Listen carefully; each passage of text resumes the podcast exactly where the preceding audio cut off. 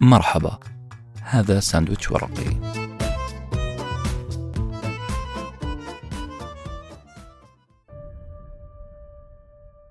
كتاب خمسة عشر شيء لابد أن نتخلص منها لنحيا حياة سعيدة. للمؤلفة لومينيتا سافيتش. أبواب طرقتها الكاتبة للتحرر من قيود فرضناها على أنفسنا. هذه الحلقة هي الحلقة الأولى من الكتاب وعنوانها صالح نفسك. تقول الكاتبة كانت ليلى هادئة بشكل كامل لكنه هدوء يسبق العاصفة والعاصفة حدثت عندما دخل والد البيت وكعادته يترنح وملامح الغضب تسبق بخطوات. وكعادتنا أنا وأخوتي نتهامس في غرفتنا وكأننا بانتظار صراخه المعتاد لكن اليوم لم يكن صراخا روتينيا فهو يصرخ الآن مهددا ومتوعدا بعقاب الشخص الذي كسر المزهرية في غيابه. لم ينطق إخوتي ونطقت أنا ولا أعلم لماذا كان جوابي له. أنا من كسرها.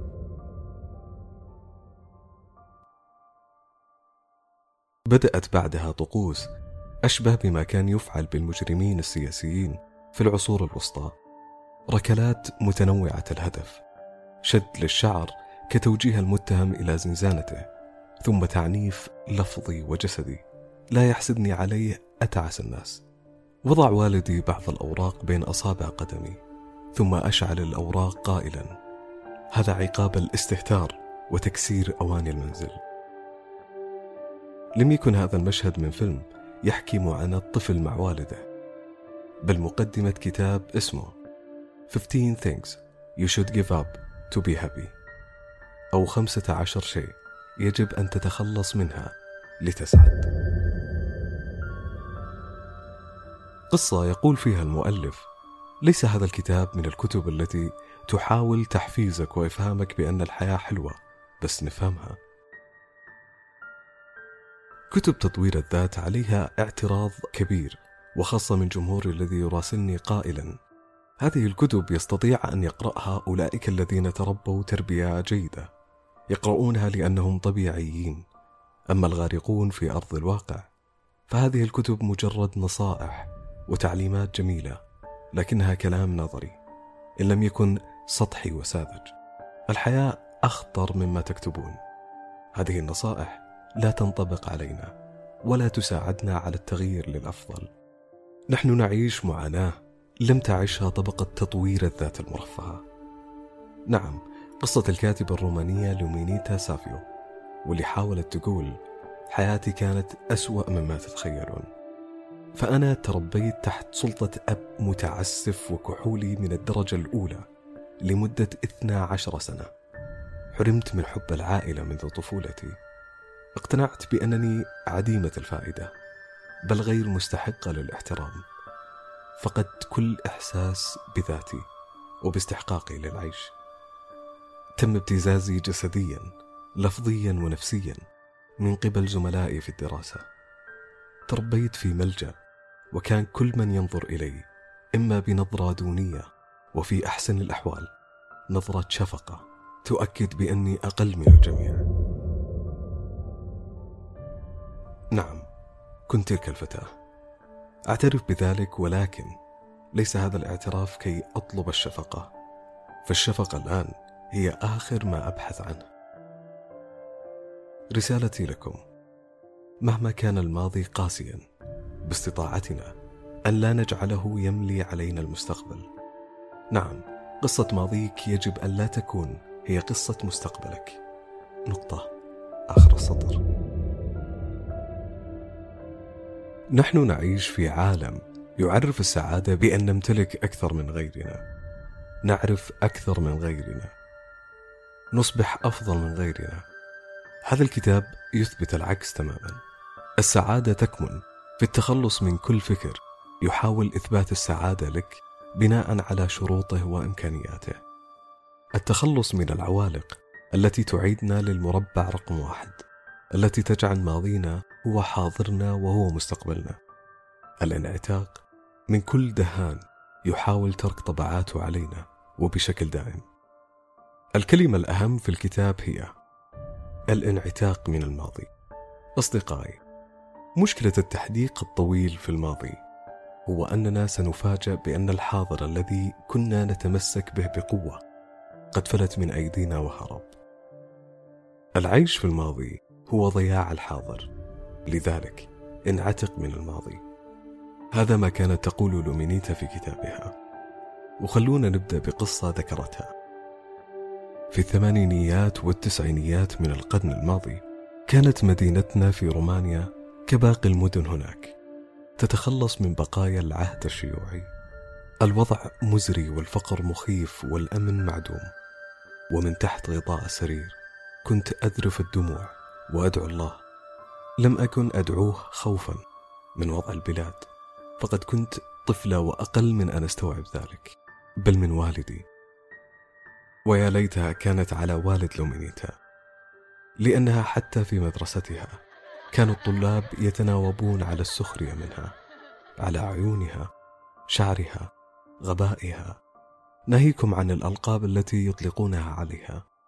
نظرات الكل حولها كانت تقول أنت أقل من الجميع وأحلى وأحن نظرة فيها. كانت نظرة شفقة تؤكد نظريتها. أنا أقل من الجميع. الغريب أننا جميعا نعيش نفس الظروف. لكن يبدو أن الإنسان في أحلك الظروف. يبحث عن كبش فداء لتفريغ نقصه. لازم يكون فينا أحد يمثل دور الأقل الأضعف والأبشع. وكنت أنا بكل فخر من حصل على هذا الدور. مع حمام الاستنقاص والسخرية بدأ جلدي يتعامل بواقعية وبدأت أؤمن بأنني أقل. مو معقول كل من حولي غلطانين. يبدو أنني فعلا أقل. وعندما حازت هذه الجملة الأخيرة على قناعتي الكاملة بدأت جلسات لا واعية. ولا إرادية من استنقاص نفسي. كل فكرة سلبية ومحطمة كانت تعزف أوتارها الحزينة على إيقاع حياتي.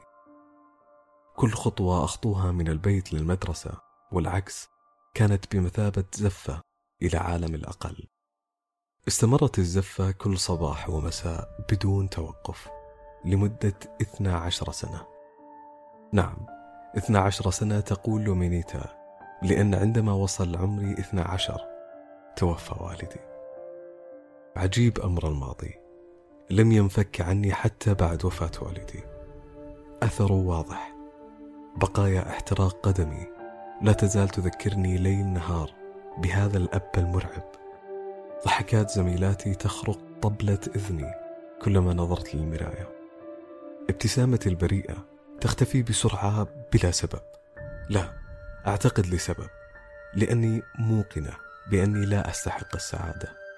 بالعربي والدي كان يهيني أول 12 سنة وبعد موته ورثت أنا هذه المهنة.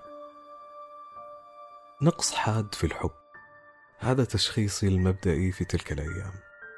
واكتشفت أنها كذلك نقص في الثقة وتقدير الذات. مؤشرات هذا التشخيص واضحة. تخيلوا إنسان ما يحب يشوف نفسه في المراية. متخيلين؟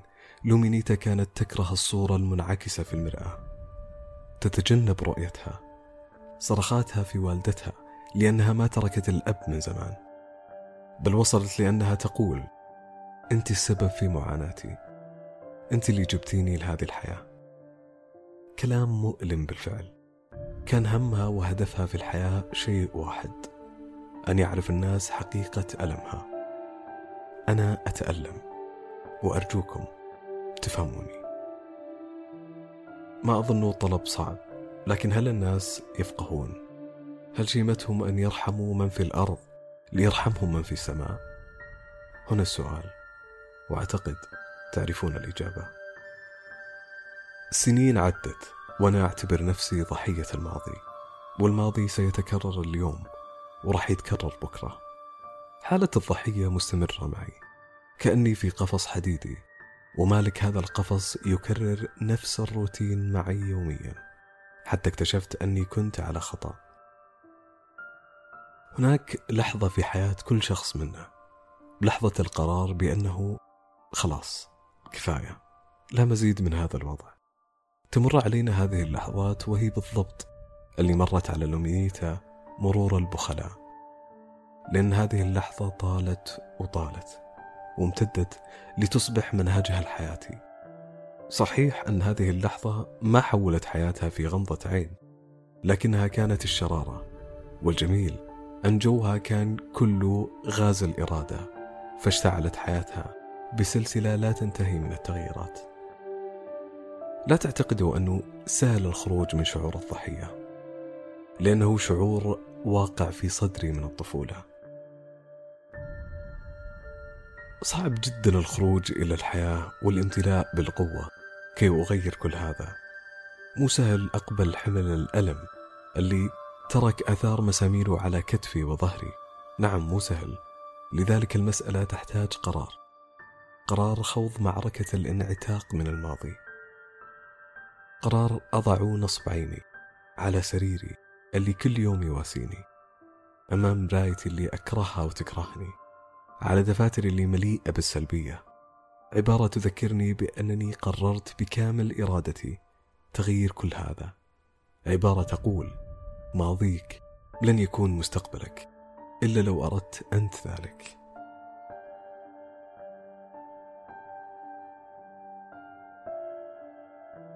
آيفن واحدة من جمهور مؤلفة الكتاب وقارئة لكل تدويناتها.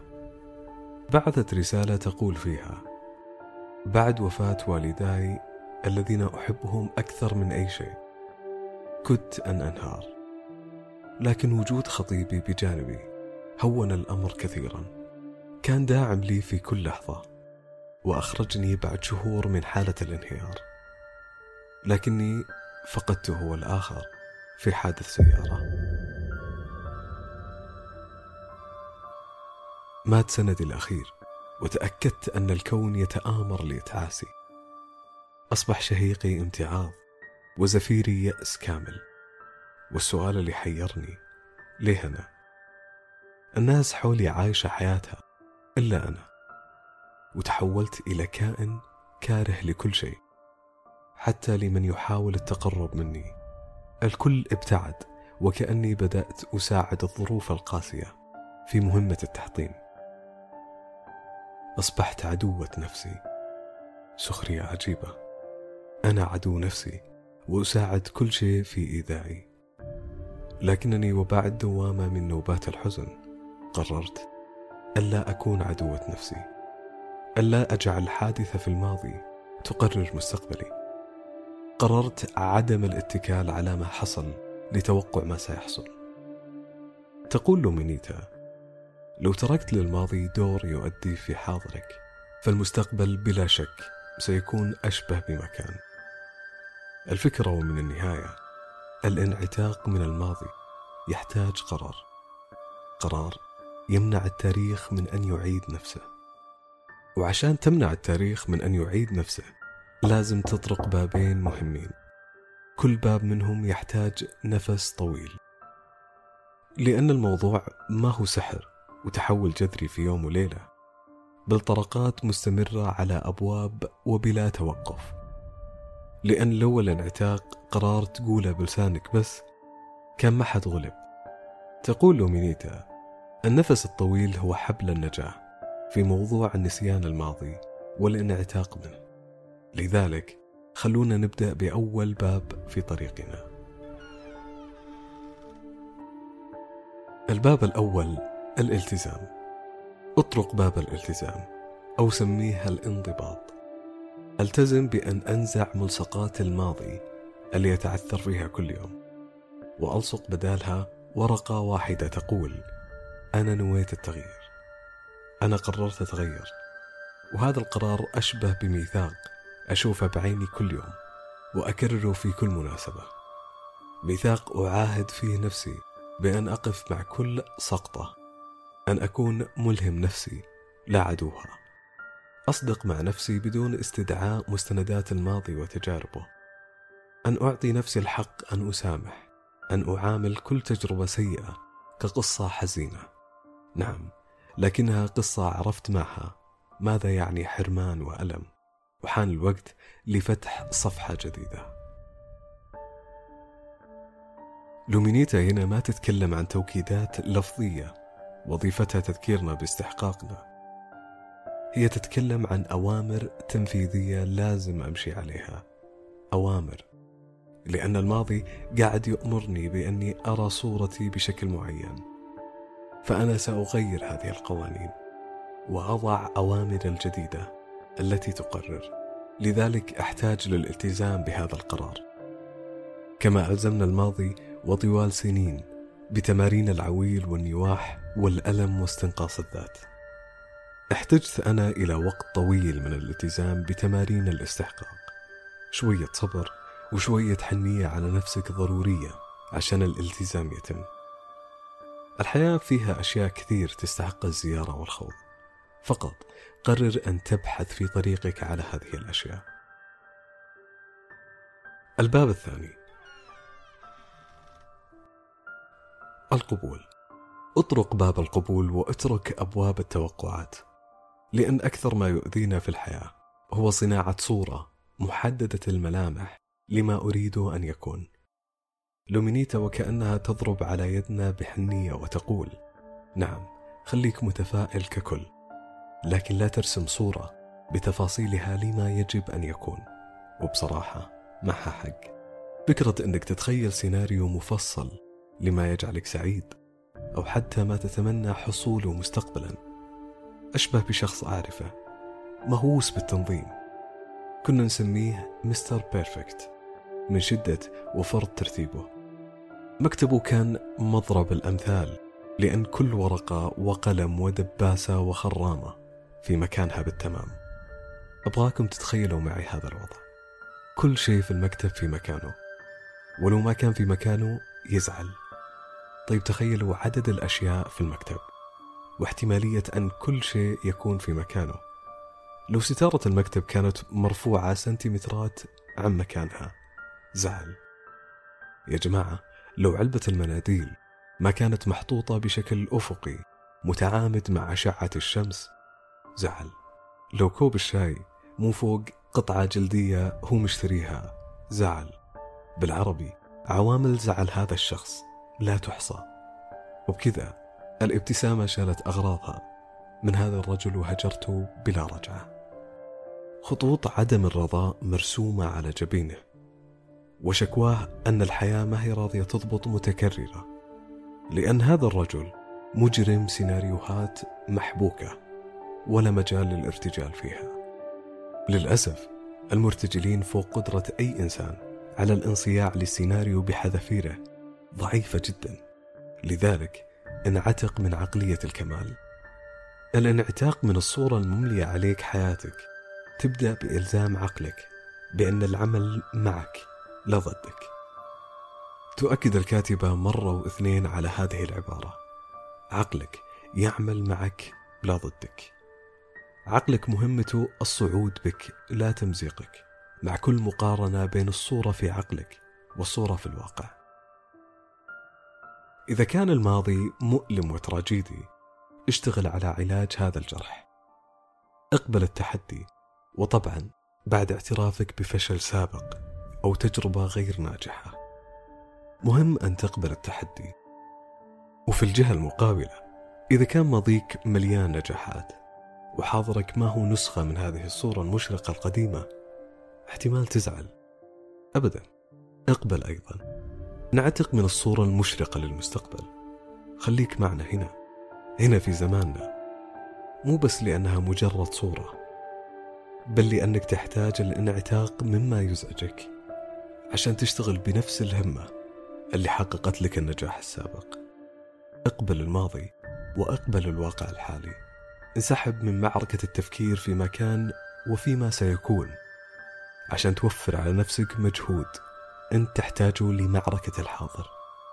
تحتاج الهدوء النفسي والسلام الكامل مع اليوم. بكذا تقدر تغير ما يلزم تغييره. الباب الثالث. المصالحة. يقول المثل اليد اللي ما تقدر عليها صافحها مثل معروف ومفاده. لا تدخل معركة تنهكك. وصال عدوك. نقدر نقول تكنيك حرب. أكيد في معركة الحياة نحتاج جدا جدا للمصافحة. صحيح أن التسامح والمصالحة قيمة عظيمة لكن هنا راح نسلط بكشاف البودكاست على الفائدة العملية. أنت قفلت ملف مجهد لك. ملف تحتاج قراءته من فترة للثانية. المصافحة علاج نعم علاج لكنه مر جدا. من هذا الخارق اللي يقدر يمرر إساءة عظيمة تعرض لها. من هذا السوبر هيومن اللي يكنس غبار ذكرى تعيسة تحت سجاد النسيان. صعب صعب جدا. نعم نعتقد بأن المستفيد الأول من المسامحة أو المصالحة هو الطرف الثاني. هو اللي أخذ نصيب الأسد من صفقة المصالحة. لكن الحقيقة أن المستفيد من الصفقة هو الشخص اللي سامح. لكن عشان تستفيد هناك شرط. انعتق من فكرة أن المسامحة علامة ضعف. تذكر أن عقلك راح يمسك لك عصا ويذكرك بأنك ضعيف لأنك شخص متسامح. أو على الأقل سامحت هذا اللي غلط عليك. لو طاوعت عقلك اللي يحبك لكنه قاعد يغرر فيك فأنت ما راح تستفيد من هذا التسامح أبدا. التسامح والمصالحة مو شرط يكون معناها أنك تعيد نفس الخطأ أو أن الأمور راح ترجع لمسارها الطبيعي مو شرط. لكنها قفل ملف مقلق بالنسبة لك. لا رغبة لي في الانتقام ولا نية في استمرار الضغينة. وزي ما قال مارك توين الغضب هو ال acid اللي يحرق أعصابك جسدك وروحك. إن كنت غاضب خليك غاضب. لا تخفي هذه المشاعر وتكتمها خليها تطلع. وإذا حصل هذا الشيء اسمح للمصالحة بأنها تتم. رغم أن مارك توين كاتب ساخر إلا أنه عبر عن فكرة النتائج الفتاكة للمصالحة. أنت قاعد تزيل سموم من جسدك. حقد متلحف بطبقة رقيقة من جلدك. لا يتوانى في الظهور بعد كل فترة. فالحل مو بكتم الغضب ولا باستمراره بل بقفل الملف. أو زي ما يقول المثل اقطع عرق وسيح دم. الغضب لازم يموت ولا راح يطلع بعد كل فترة في حفظ الله.